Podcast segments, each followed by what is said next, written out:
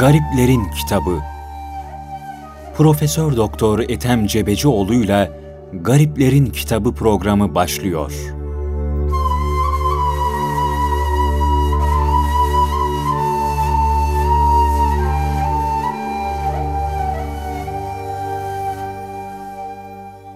Kıymetli Erkam Radyo dinleyenleri, Gariplerin Kitabı programında Profesör Doktor Ethem Cebecioğlu hocamızla birlikteyiz. Programda Muhammed Esat Erbili Hazretlerinin hayatı ve hatıralarından e, bahsediyoruz. Kıymetli hocam daha önceki programlarda Esat Erbili Hazretlerinin çocukluğu, ailesi, yetişmesi ve şeyhleri, şeyhleriyle olan münasebetlerinden bahsedilmişti. Tasavvufa intisabından bahsedildi. Arzu ederseniz bu programda evliliğinden e, biraz bahsedelim istiyoruz. E, Esat Erbil Hazretleri'nin yapmış olduğu e, evlilik ve çocuklarından biraz, e, ailesinden biraz bahsedebilir misiniz? Evet, teşekkür ediyorum. Esad Erbili Hazretleri e, kaç yaşında evlendiğini tam olarak bilemiyoruz. Kesin değil. Onunla ilgili bir bilgi yok. Ancak İslam sosyal kültür yapısı evliliği çok erken yaşlarda tesis ediyordu. Yani kız çocukları 15, erkek çocukları 17-18. E, o evlenme çağı oydu esas. Üç aşağı beş yukarı Esad Erbil Hazretleri'nin evliliği de mutlaka böyle bir 20 yaş civarıdır. Eşi de 17-18 yaş civarıdır. O durumda 1847'de doğduğuna göre 1867-1870'li yıllarda evlenmiş olması gerekir. Malum İslamiyet fıtri kanunlara uymayı destekleyen bir din. Yani evlilik çağı geldi, beklemek yok. Hemen evlendiriyoruz. Bekle, beklemeden evlendirmek. Yoksa sosyal olarak toplumda zina artıyor. Evet. Efendim söyleyeyim bir takım ahlaki çökük, çöküntüler başlıyor. Ve siz mesela tam üretkenlik çağında üretkenliğinize dur deyince e, insan o yönden de e, bir yıkıma uğruyor. Mesela e, Batı'da yapılan özellikle e, Profesör Mendelev'in yapmış olduğu bazı deneyler var. Bir kolunuzu mesela bir sene kullanmayın. Bir sene sonra o kol felç oluyor kullanmadığın için. İşleyen demir ışıldar diye böyle bir kuraldan bahsediliyor biliyorsunuz. Evet. İşte vücudun kendi fonksiyonlarını vakti gelince icra etmesi lazım. İcra etmese e, bunun da fıtrat kanunlarına uymamaktan kaynaklanan e, bir takım bedeller oluyor ve onları da ödemek gerekiyor. Evet. Ya devrimizde kadınların düşük yapmasının sebebi evliliği geç yaşta yapmalarından e, genellikle böyle bir nedene bağlıyorlar. Vakti değil de 28 yaşında evleniyor kadın. 32-30 yaşında doğurmaya başlıyor. Sık sık çocuk düşürme olayları oluyor. Genç yaşta. E, genç yaşta yani vücut tam sağlıklıyken, tam üretkenken evlenmek ve çocuk yapmak gerekiyor. İşte İslam kültür yapısında bu var. Şimdi evlilik yaşları erkeklerde kesinlikle 30'a, kızlar için de 25-26 yaşına yükselmiştir. Bu Avrupa tarzı hayat yaşadıktan sonra Türkiye'de meydana gelen bir akültürasyon olayıdır. Yani kendi kültürümüzü bırakıp Avrupa kültürüyle kültürlendikten sonra batıdaki gibi biz de aile yapımızı, sosyal toplum yapımızı ve dokumuzu bu şekilde oluşturduk. İşte bu şekilde evliliği genç yaşta yapmış olması gerekir. O şekilde düşünüyoruz. Esad Efendimizin e, evliliğinden dört tane çocuğu olmuştur. İkisi erkek, ikisi de kızdır. Mehmet Ali Efendi ile Muhammed Efendi Esad Erbil Hazretlerimizin erkek çocuklarıdır. Mehmet Ali Efendi bu Menemen'de idam Menemen'de edilen. idam edilen. Selimiye Dergahı Şeyhi. Evet. Selimiye Dergahı Şeyhi. Kızların adı da Pir Efendimizin Esma Hanım ve Saadet Hanımlardır. Taksimi böyle etmiş Hazreti Rahman. İkişer kız erkekle olunmuş ikram. Bismillahirrahmanirrahim. Efendim oğullarından Mehmet Ali Efendi uzun yıllar Üsküdar Selimiye dergahı Nakşi şehliğini yapmıştı. Menemen tertibiyle idama mahkum edilerek 1931 senesinde şehit olarak vefat etmiştir. Ruhuna Fatiha okuyalım efendim. Mehmet Ali mertebe-i Ali idi. Manada makamı vardı, rütbe sahibi idi. Bismillahi. Muhammed Efendi babasıyla İstanbul'a gelmemiş, o Erbil'de kalmıştı. İngilizlerin Musul işgali sırasında kendisine yaklaşmak isteyen İngilizlere asla iltifat etmemiş, aksine Türkiye lehine çalışmıştı. 20. yüzyılda kurulan Birleşmiş Milletler'e üye olması için Türkleri de teşvik etmişti. Oğlu Muhammed Efendi. Ve zaten daha ileride de göreceğiz. 1900'lü yıllarda Esad Erbili Hazretleri sürgün adı altında Erbil'e gönderiliyor. O gittiği yerde Türk Muhipleri Derneği kurmuş. Evet. Türkleri Sevenler Derneği. Ve İngilizlerin oradaki petrol oyunlarını bozmuştu. Yaklaşık 10 yıl kalıyor değil mi hocam? 10 yıl değil de 8 yıl falan 8 yıl. kalmıştır. Ve onlar da onun intikamını Menemen'de almışlardır. Onu vakti geldiği zaman Ayrı bir sırası gel ayrı bir konu olarak işleyeceğiz. Şimdilik sadece bir antır parantez olarak ifade etmek istiyorum. Oğlu da aynı şekilde oradaki Türkleri Birleşmiş Milletler'e üye olun diye Türkiye'yi e, sürekli teşvik etmiş ve onun dışında kalmayın demiştir. Böyle bir fonksiyonu da vardır. Kızı Esma Hatun genç yaşta ahiret semasına yükselmiş ve rahmet-i rahmana kavuşmuştu. Allah rahmet eylesin. Diğer kızı Saadet Hanım hakkında fazla bir malumat yoktur. Mazlumlar ailesi bu cenneti aladadır. Canımız kurban olsun makamları mevadadır. Bismillahi. Esad Erbili Hazretlerinin Erbil'de ikamet eden Şeyh Abdurrahman Efendi ve Şeyh Abdüsamet adında iki erkek kardeşi vardı. Yani Esad Erbil Hazretleri'nin Kardeşleri. iki tane erkek kardeşi vardı. Bir de Yahya Efendi adını da bir yeğeni vardı. Bunların isimlerinden anladığımız kadarıyla Erbil'de ikamet eden Şeyh Abdurrahman Efendi ve Şeyh Abdüsamet adlı kardeşleri kendisinin şeyhlik yaptığı dergahta şeyhlik e, yapmışlar ve o Mevlana Halid Bağdadi Hazretlerinin e, Erbil'deki dergahını ayakta tutmuşlardır. Buradan bu anlaşılıyor. Evet. En son bilgi işte 1980'li yıllarda yok 1980 değil. Erbil amca hayatta 1972'de öldü Erbil amca. Ee, Sami Efendimizin e, Ankara halifesi muhterem. Allah rahmet eylesin. O şeyle e, Ali Kaşyetmez abiyle beraber Terzi Ali Kaşyetmez abiyle beraber hacca giderken Erbil'e uğramışlar. Ve orada dergaha uğramışlar. İki tane koyun kesmişler. Çay içmişler. Sohbet etmişler. Bir gecede kalmışlar. Ondan sonra hacca devam etmişler. O gördüklerini bana Ali Kaşyetmez abi Allah rahmet eylesin anlatmıştı. Yani 1970'li yıllarda o dergah var. Yani varlığında sürdürülmüş olması icap ediyor.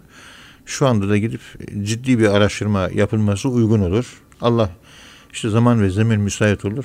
Gitmek, kalmak, görmek bu hizmetleri yapmakta nasip olur inşallah. Bu Mustafa Erbil e, amca ile alakalı zannediyorum hocam bir herhalde bir Allah dostları serisinden birisi de bu Mustafa Erbil ile alakalı. Evet, Mustafa Erbil e, Mustafa- Efendi'nin hayatında Evet. ve burada da ben o yolculuğu anlattım. Burada yani evet. var, kitabımızda var elhamdülillah. Şimdi kıymetli hocam Esat Erbili Hazretleri'nin bu haç yolculuğu var malum. Talha Hariri'den seyri sülükünü tamamladıktan sonra haçça, haç vazifesini e, icra etmek üzere yola çıkıyor. Bu haç ve sonrasından biraz bahsedebilir misiniz? Evet. Esad Erbil Hazretleri gönül yolculuğuna çıkmak istiyor. Yani hacca gitmek bizce bir gönül yolculuğu. Yani aşk götürür oraya. Bunu şundan çıkarıyoruz. Ve tehvi ileyhi kulubuhum. Ayette böyle ifade geçiyor.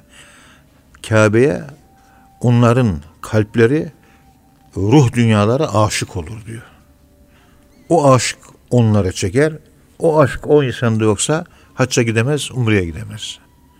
Onun için ve tehvi ileyhi kulubuhum ifadesine bakarak hac ve umre yolculuklarının hepsine gönül yolculuğu ifadesini rahatlıkla kullanabiliriz. Nas böyle buyuruyor. O da ilginçtir. Evet. Çünkü herkes içinde hissedemiyor ve içinizde hissede, hissedemediğiniz Kabe'ye de gidemezsiniz. Hazreti İbrahim'in mana aleminde ve ezzin finnas insanların yüreğinde, içinde duyur. Bura benim beytim, gelin tavaf edin diye seslen diyor. Hazreti İbrahim, Ya Rabbi diyor, nasıl duyacaklar? Sen seslen, zaman ve mekanlar içerisinde duyurmak bana ait. Duyanlar gelenlerdir diyor. Gelemeyenler duymayanlardır. Ve şu anlatımda e, umreyi terk edenler, imkanı olduğu halde oralara gitmeyenler için hoş bir anlatım değil. Bu çerçeve hoş bir çerçeve, hoş bir tablo, hoş bir görüntü değil. Şöyle bir şiir var hocam. E, kime Kabe nasip olsa Hüda rahmet eder. Her kişi hanesine sevdiğini davet eder. Yani oraya gidenler Allah'ın sevdiği. Kullar olmuş oluyor sizin Ya, de ya. bahsetmiş olduğunuz gibi. Allah, Allah Teala- herkesi de oraya istemediğini e, bu ibade bu ibareden anlıyoruz. İçinde aşk, aşkı Allah yaratır. E, Yaratan Allah olduğuna göre Allah herkese de o aşkı vermiyor. Vermeyince de söyleyecek bir şey yok. Kabe bir turnusol kağıdı gibidir. Asit ve bazı mavi veya kırmızı yapar. Asitle bazı birbirinden ayırır. Hangisi kimde gerçek iman var, kimde tabu kimyenler imansız manasına değil de ama duyarsız manasına gelir bu manevi duyarsızlığı ifade eder. İmkanın var, keyfi gitmiyorsun. Manevi duyarsızlık. Varsa bir parça ateş seni Kabe'ye çeker. Yoksa mümkün Ar- değil. Arzu edip de gidemeyenler var tabi onlara. İşte onlar tehvi ileyhi kulubuhum. Evet. Kişi sevdiğiyle beraberdir. Kabe'yi seven Kabe'nin yanındadır. Ne zaman hacca gitti? İcazet aldığı tarikat icazetini almıştı. Tahal Hariri Hazretlerinden 28 yaşında almıştı ve 28 yaşında da hacca gitmişti. Hicaz'a doğru yola çıkar ve o sene hac yapar. Allah'a dua eder. Boynunu büker, niyaz eder. Ancak orada bulunurken Şeyhi Tahal Hariri Hazretlerinin vefatını haber alır. Haçtayken. Haçtayken evet. Gönül iklimi sonbahar iklimine girer. Sonbahar mevsimine girer. Üzülür ve hüzün basar. Hüzün mevsimi. Uful etti şeyhi, hazret gam doldu. Mahzundu gönlü alemi hazan kaldı. Bismillah. Ruhlarına Fatiha. Medine'de mana aleminde Esad Erbil Hazretleri peygamberimizi görür. Peygamberimiz ona oğlum Esad der. Peygamberimizin sülalesinden ya Hüseyini ve Seyit. Oğlum Esad sen artık buradan İstanbul'a gideceksin. İstanbul'a hizmet edeceksin der ve rüyada bunun bazı hikmetleri kendisine açılır. Niçin gidileceği. Alınca emri peygamberiyi rüyada çevirdi yönünü Hicaz'dan İstanbul'a. Bismillahi. Esad Erbil Hazretleri bu görüyor ve sabah dostlarını, ihvanını topluyor.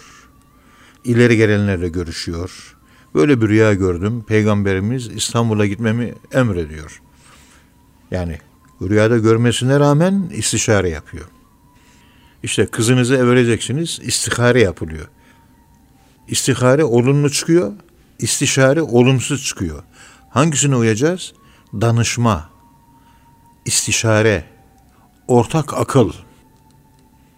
Yani istişare, ortak akıl neyi emrediyorsa ona uyulur, rüyaya uyulmaz. Peygamberimizi gördüğü halde etrafındakilerle istişarede bulunuyor. Bu çok önemli. Çünkü biz hayatta bir rüya görüp etkisi altında kalıp ben şeyhim diyen çok adam gördüm ben. Bir Evet. danış etrafına bir sor. Neyi ifade ediyor? Bak Eser Beyazlı peygamberimiz gördüğü halde İstişare e, ediyor. aklı büyük insanlarla böyle danışmada bulunuyor, istişarelerde bulunuyor. Yani ortak aklı kullanıyor. İcma yapıyor. Cem yapıyor topluluğun fikirleri. Peygamberimiz bile en büyük akıl sahibi. Ondan daha büyük akıllı adam gelmedi bu aleme. Allah ona ve şavirhum fil emri iş konusunda onlara danış ey Muhammed diyor. Ve emruhum şura beynehum. Ve emruhum şura beynehum ayet kerimesi de aynı şekilde. Bak rüyayı görmesine rağmen danışması çok önemli bir şey. Bunlar ilginç tüyolar. Bunlar üzerine durmak lazım. Men isteşara fela nedime buyuruluyor hadis-i şerifte Evet. değil mi hocam? Velem yendem. Evet. Men isteşara felem yendem. Kim danışmada bulunursa, Pişman olma. konsensüs oluşturursa pişman olmaz. Bu rüya hakkında böyle ne yapalım ne edelim diye böyle danışır. Ne yapalım ne edelim böyle bir rüya görünür. Sonunda İstanbul'a hicret etmeye karar verilir. Esad Efendimiz Kuddise Sürruh Hazretleri hemen bir kervan hazırlayın der. Kervan hazırlanırken Erbil'deki dergahın yönetimi etrafındaki ehil olan kişilere havale olunur. Yani sen şu işi yap, sen yemeğini sağla, sen ekmeğini sağla, sen sebzesini getirir, sen meyvesini getirir, sen kurban işlerini hallet, sen temizlik sana ait. Böyle tekkede böyle yapılacak işler vardır. Ahır bakımı, inek sağımı, efendim söyleyeyim, e, oranın süpürülmesi, bakımı, bulaşıkçılık falan. E, eski tekkelerde en az 14-15 tane hizmet var. Her birinde derviş mutlaka çalışır ve her birinde birer tecrübe sahibi olur ve olgunlaşırdı. Yani hizmet ederek. Çok önemli bu. Esat Erbil Hazretleri İstanbul'a geldiği zaman İstanbul'da hiçbir tanıdığı yoktu. Kimseyi tanımıyordu. Yani o da ilginç değil mi hocam? Yani haç dönüşü Erbil'e uğramıyor. Evet. Direkt haçtan yani İstanbul'a bir görev yeri olan e, yere geliyor. Yani manevi. fevkal- e, e, yani emir demiri keser diye böyle bir atasöz var. Evet.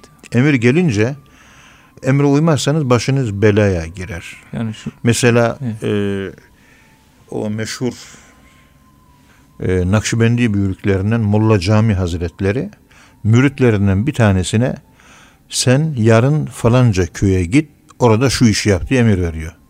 O da hafiften alıyor e, gitmiyor. O gece bir hırsız eve basıyor. Evi soyuyor. Adamın elbiseni alıyor. Adamı kapının önünde çırılçıplak bırakıyor. evet. Tabi Molla Cami Hazretleri bundan da haber olmuş. Üzülüyor. Ona bir giyecek vesaire bir şeyler yolluyor. Emre uymayanı bu şekilde evini de soyarlar, elbisesini de soyarlar evladım diye haber yolluyor. Onun için emir verildiği zaman mutlaka yapmaya çalışmak lazım. Evet. Beklememek lazım. Mesela Kastamonu'da, Safranbolu'da birisiyle tanıştım. Hocam dedi, benim babam dedi, Çanakkale Savaşı emri gelmiş. Çarşıda davul çalınarak. Askere yazılıyorsunuz. Padişahın, halifenin emri. İngilizler e, boğazı almak istiyor. Sevk yapılacak. Derhal askere. Dükkandan çıkıyor. Evde bir tane çocuğu ve hanımı var. Evde hanım ve çocuğuna uğramadan direkt kaydını yapıp ertesi gün gidiyor. Haber yolluyor. Ben askere yazıldım. Çanakkale'ye gidiyorum diyor. İşte hocam benim babam orada şehit oldu diyor. Evet. Eve uğramamış. Yani ne manaya geldiğini anlayın. Bu devirde herhangi bir insana bir hizmet falanca bir yere git gel dediği zaman şagaletna emvaluna ve ehluna. İşte hanım var, çocuklar var. işimiz, düzenimiz, kurulu bir şeyimiz var diye herkes itiraz ediyor değil mi? Afrika'ya kolay kolay adam gönderemiyoruz. Şagaletna emvaluna ehluna. İşim var. İşte memurum, bilmem neyim.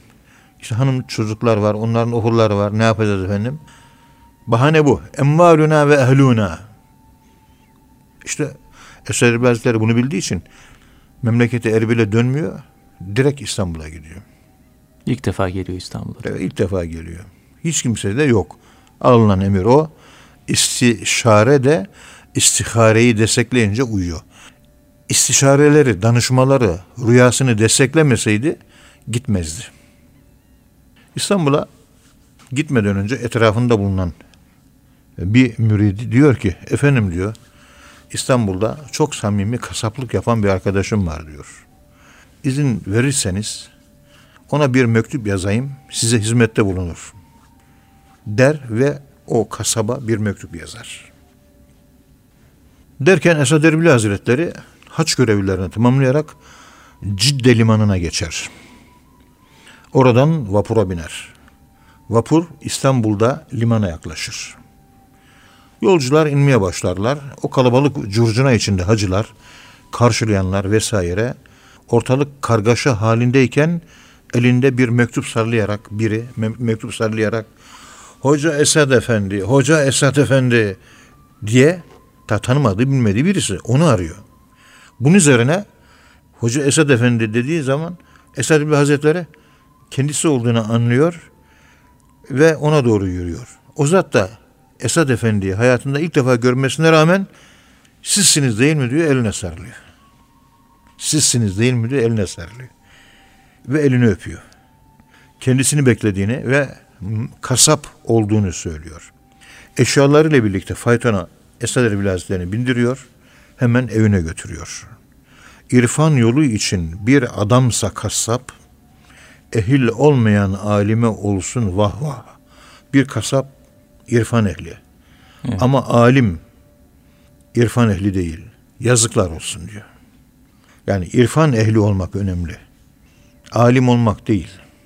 Kasap irfan ehli ama irfan ehli olmayan alimden üstün. Daha önceki derslerimizde anlattığımız gibi tamam, kamil, bu kelimelerin tamamlanmış, olgunlaşmış kelimeleri eski Yunanca'da intelleksiya yani entelektüel demiştik. Kasap entelektüel. Evet. Yani tanıyor erbabını. Ama alimler bilemiyor. Kıymetli hocam Esat Erbili Hazretlerinin sizi en çok etkileyen yönü hangisidir yani? Efendim Esad Efendi Hazretleri çok ince, çok kibar bir insan. Yani bu ilmi yönünün haricinde bu ayrı, şahs, olarak, şahsiyet olarak. Çok kibar bir insan. O kibarlık Sami Efendimiz'e geçmiş. Ondan Musa Efendimiz'de de aynı kibarlığı gördük. Osman Hocamız da aynı kibarlığı devam ediyor. İstanbul Beyefendisi. Ama yüzüne bakınca sanki fotoğrafta biraz daha celalli gibi görünüyor. Evet öyle gözüküyor ama yani fotoğraf e, çok aşırı merhametli. Evet. Yani merhametli olmayandan evliya olmaz. Yani onu bilin. Rahmet sıfat tecelli eder. Kimileri de celalli oluyor. Evet. Yani Evliyaullah'ın ama merhamet. Onlar da merhametli.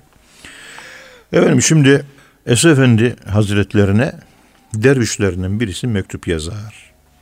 Ama yazarken böyle kırılır, dökülür, böyle ince, rakik, böyle çok kibar, nazik bir mektup yazar.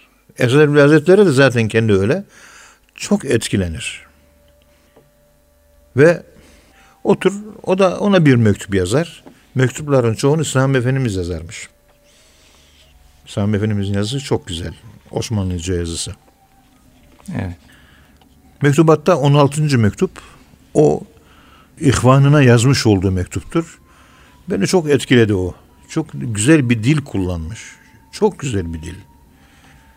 Diyor ki o ihvanına, o dervişine diyor ki alçak gönüllülüğünüzün eseri lütfedip yolladığınız ikinci mektubunuzu aldım.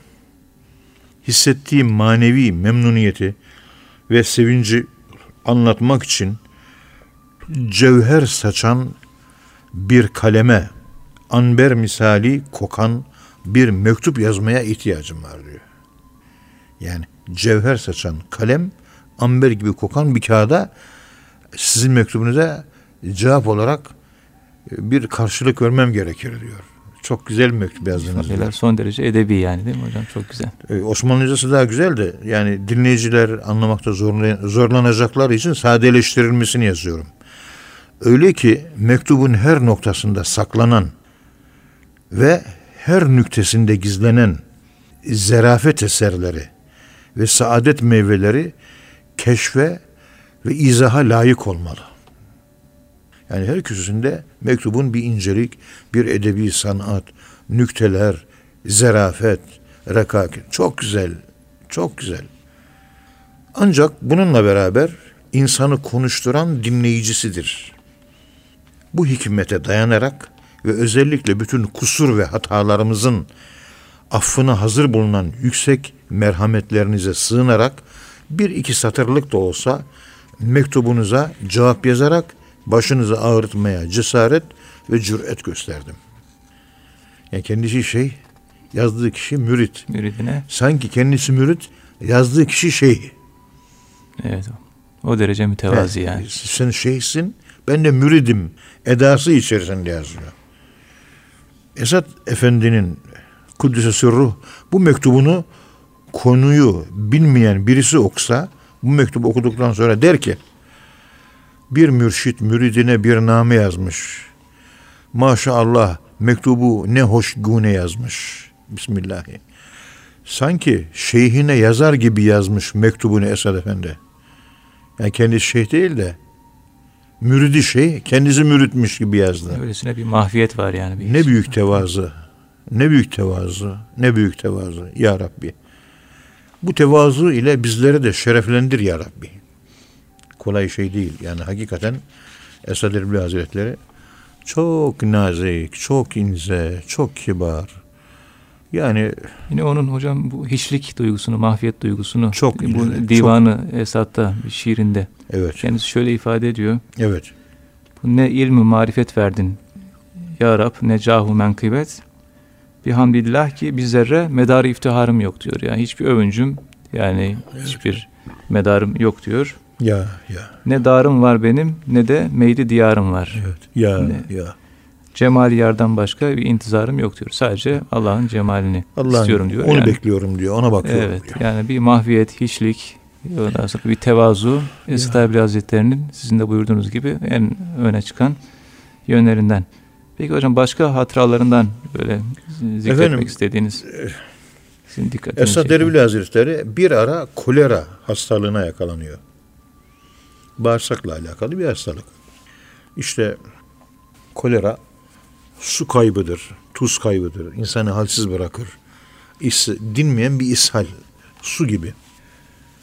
Bir seveni iltifat dolu mektuplarıyla ölümle burun buruna gelmişken Allah'ın izniyle iyileşir, maddi manevi güç kazanır. Yani bir dervişi bir mektup yazıyor. O mektuptan Esad Erbil Hazretleri etkileniyor. İçi sevinç oluyor. O sevinçle beraber bir sinerji, bir enerji kazanıyor Esad Efendi ve iyileşiyor. Yani aşık bir dervişinin etkili bir mektubu şeyhini hastalıktan kurtarıyor. Allah Allah. Bu durumu kendisi şöyle anlatıyor. 14. mektup. Geçen haftalar kolera hastalığının göstermekte olduğu ölümü hissediyordum.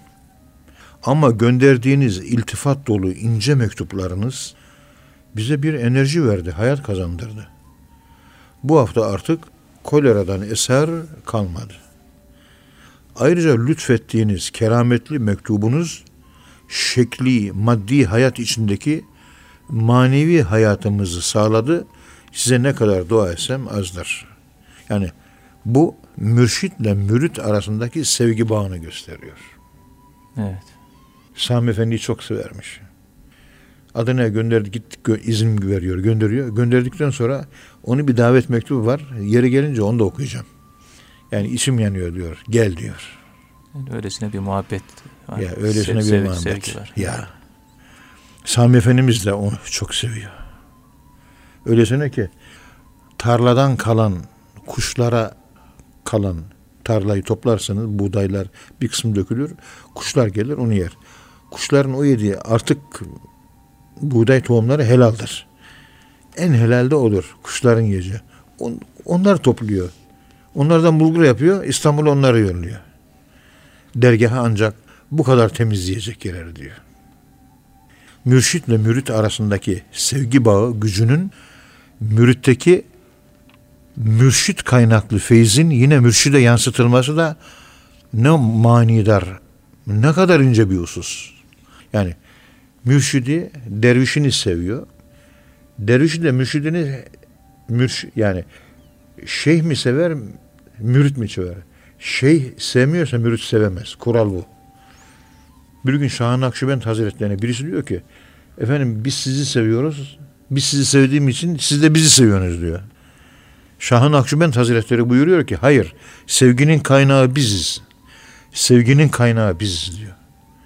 Biz sizi seversek siz bizi ancak o zaman seversiniz. Sevmezsek siz bizi sevemezsiniz diyor. Hayır efendim biz sizi seviyoruz onun için siz bizi seviyorsunuz. Hayır evladım diyor.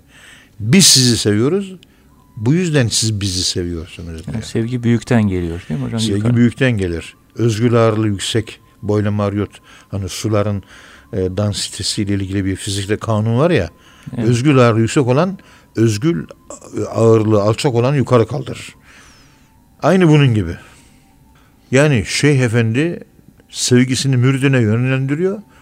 Bir sevgi oluşturuyor. O sevgi tekrar şeyhe gelince o iyileştiriyor. Yani birbirlerine mürit ve mürşit aynı. Fena fi şeyh dediğimiz olay da bundan ibarettir. Yine hocam sizin çok sık bahsettiğiniz işte Mevlana'nın Mesnevisinde geçen o Allah sevdiği kulları huzurunda görmek ister. Hep o hikayeyi Mevlana'nın Mesnevisinde anlatıyorsunuz. Bu da güzel bir şey. Hakikaten Yani herhalde konuyla alakalı. işte bir hizmetçi var, bir de efendisi var. Efendisi namazsız. Ama kölesi de namazlı. Namazı da çok düşkün. Bir gün diyor ki, oğlum diyor hazırlan da geceleyin hamama gidelim diyor. Eskiden Osmanlı usulünde öğlenden sonra hamamlar bayanlara ait. Geceleyin e, sabah namazından az önce den itibaren erkekler gitmeye başlar. Öğlenden önceye kadar erkek hamamı devam eder. 11'e 10'a kadar. Orada 2 saatlik boşlukta temizlenir. Bu sefer kadınlar girer. İkindiye kadar. Yani 6 saat 5 saat erkekler e, 4-5 saatte kadınlar girer. O şekilde usul bu. Genelde böyleymiş. Geceleyin tabi eşyalar hazırlanıyor. Hamama gidilecek. Tam geceleyin hamama giderken demek ki sabah namazının vakti gelmiş. Allahu Ekber, Allahu Ekber sabah ezanı okunuyor. Köle diyor ki efendim diyor müsaade edin de sabah namazını kılayım diyor. Ondan sonra beraber gideriz. Olur diyor. Yükleri bir kenara koyuyor caminin kenarına. Adam da oturuyor. Biraz sonra cemaat geliyor. Namaz kılınıyor. Herkes çıkıyor kılındıktan sonra ama köle içeride. Bakıyor ki hala bir şeyler yapıyor. Namaz kılıyor, dua ediyor. Diyor ki bekleyin bari biraz diyor. Herhalde gecikecek diyor. Biraz daha bekliyor. Ortalık aydınlanıyor. Kölesine sesleniyor. Artık güneş doğması yaklaştı. Hadi hamama gideceğiz diyor sesleniyor ama bir ses mes çıkmıyor. Biraz sonra biraz daha bekliyor. Güneş doğuyor. Hadi evladım gidelim artık. Bak güneş doğdu diyor. İçeriden kölesi diyor ki seni içeriye kabul etmeyen beni dışarı salmıyor diyor. Evet. Seni istemeyen Allah seni içeriye nasip etmiyor. Beni seven Allah da bana dışarıyı nasip etmiyor diyor. Demek ki Allah diyor sevmediği kullarına kendine secde ettirmez diyor. Yıllarca önce bunu ben talebelerime, doktora talebelerime anlatmıştım. Bizim Adem Çıtak Bey. Gitmiş görev yaptı lisede, Ankara'da. Öğretmenler odasında şeyler anlatmış. Orada öğretmenlere ve bayan öğretmenler Allah istemediği insanlara kendisine secde etmeye izin vermez. Ben namaz kılmadım demesin. Seni Allah istemiyor diyor. Mevlana buradan bu yorum yapıyor. Ya Yine kişinin gece kalkamaması, e, teheccüde Allah'ın huzuruna duramaması herhalde hocam yine kişinin günahıyla alakalı yani değil mi? Günlük işte masiyetler, günahlar bunların hepsi e, kişinin gece işte teheccüde kalkamamasının yönünde bir etkisi var zannediyorum. aynen öyle. Allah sevmediği insana dervişse teheccüd namazını nasip etmez. Kalkmıyor. Allah sevmiyor. istemiyor seni görmek. Allah huzurunda durdurmuyor yani. İstemiyor. Biz zannediyoruz ben kalkmadım. Seni istemiyor. İstese bir vesileyle seni kaldırır. İstenmiyorsun. Kabe'ye gitmek de aynı şekilde. Seni sevmiyor, istemiyor. Bu portre görüntüsü güzel bir portre değil bu. İmkanı olup da parası olup da umreye falan gidemeyen arkadaşlar oturup şapkayı önlerine koymaları bir müddet düşünmeleri lazım. Aşk ayrı bir olay. Gitmiyorsan aşk yoksa iyi bir şey değil bu. O kadar. Daha öte bir şeyler konuşulmaz. Yorum yapmak istemiyorum. E, edebe de aykırı olur zaten. Ama herkes kendini bilmeli, bir de Allah'ını bilmeli yani. Esat Erbil Hazretleri'nin Mekke Medine sevgisiyle alakalı şöyle bir Evet. e, sözü var. E, tam yeri gelmişken onu da bahsetmek istiyorum. Diyor ki ey gönül gel Mekke Medine'ye sefer kıl.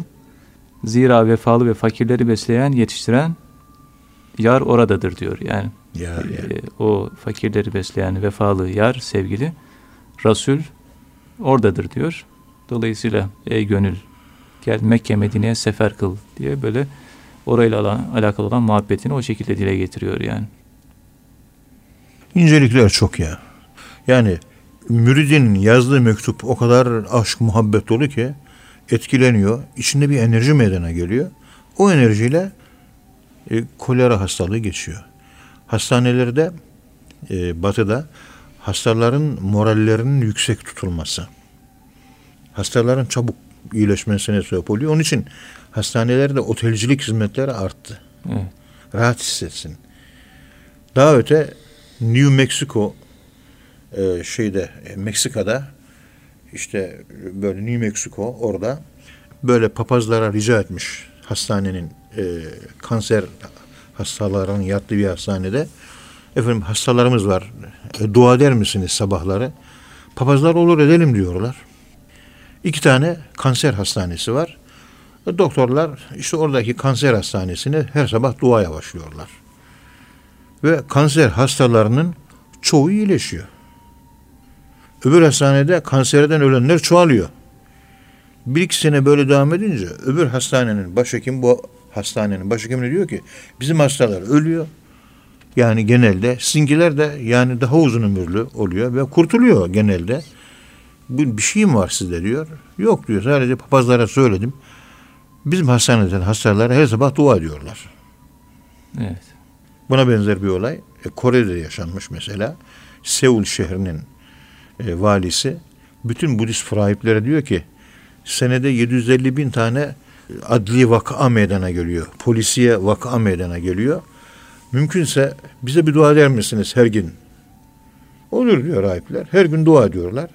E, 300 bine iniyor sayı. 300 bine indikten sonra artık papazlar diyorlar ki rahipler e, artık e, şehir düzeldi. Fazla duaya gerek yok. Bırakıyorlar. Yine 750 bine fırlıyor. Böyle incelikler var.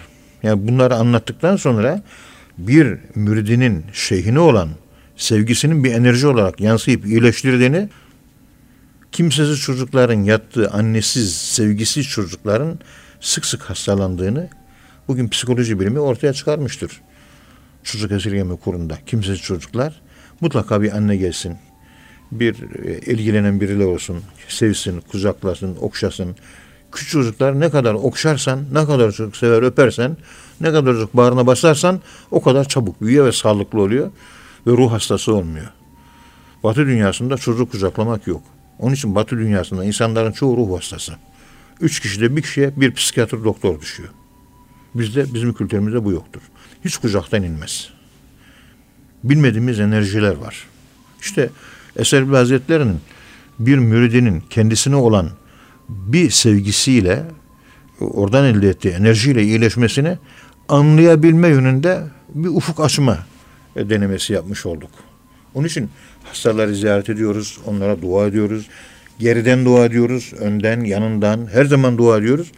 Mustafa Efendimiz e, son hastalık yani son vefatından böyle 3-4 ay önceydi.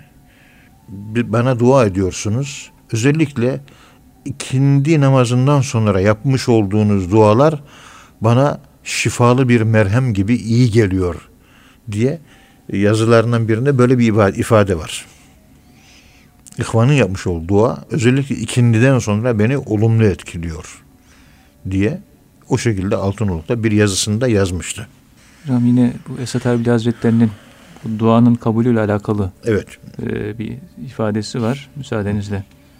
Onu zikretmek istiyorum.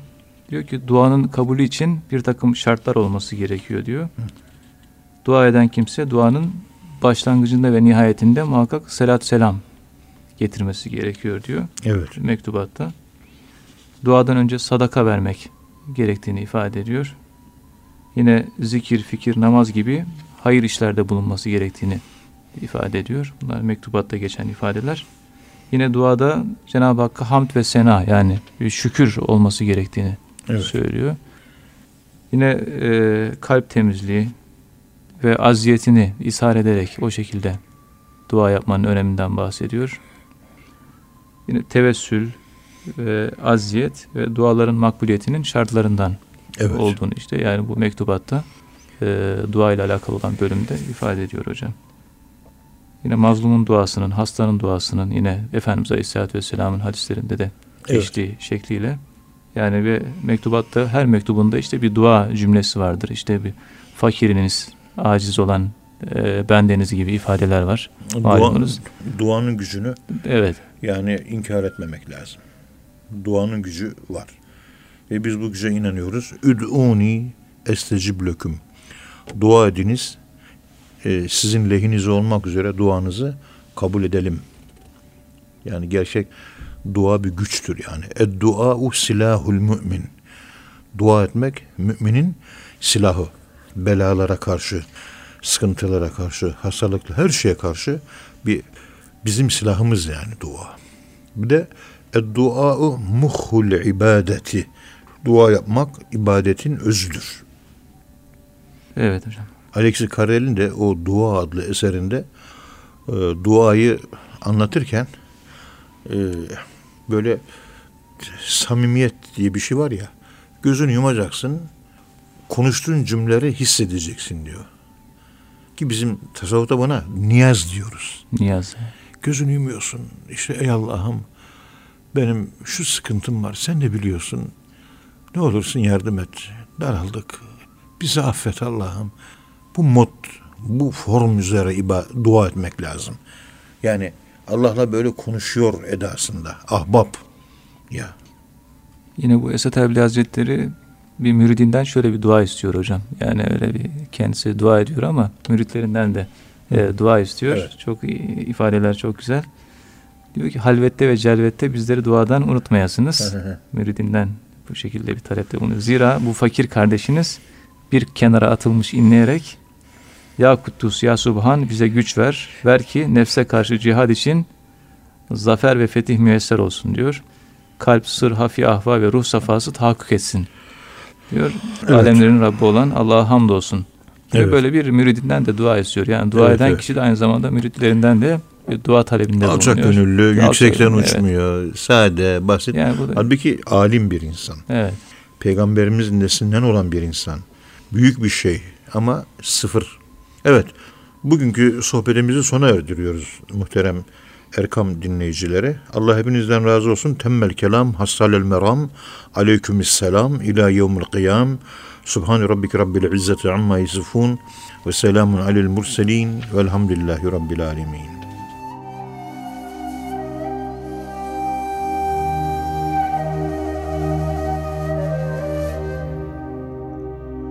Erkam Radyo'da Profesör Doktor Ethem Cebecioğlu ile Gariplerin Kitabı programını dinlediniz.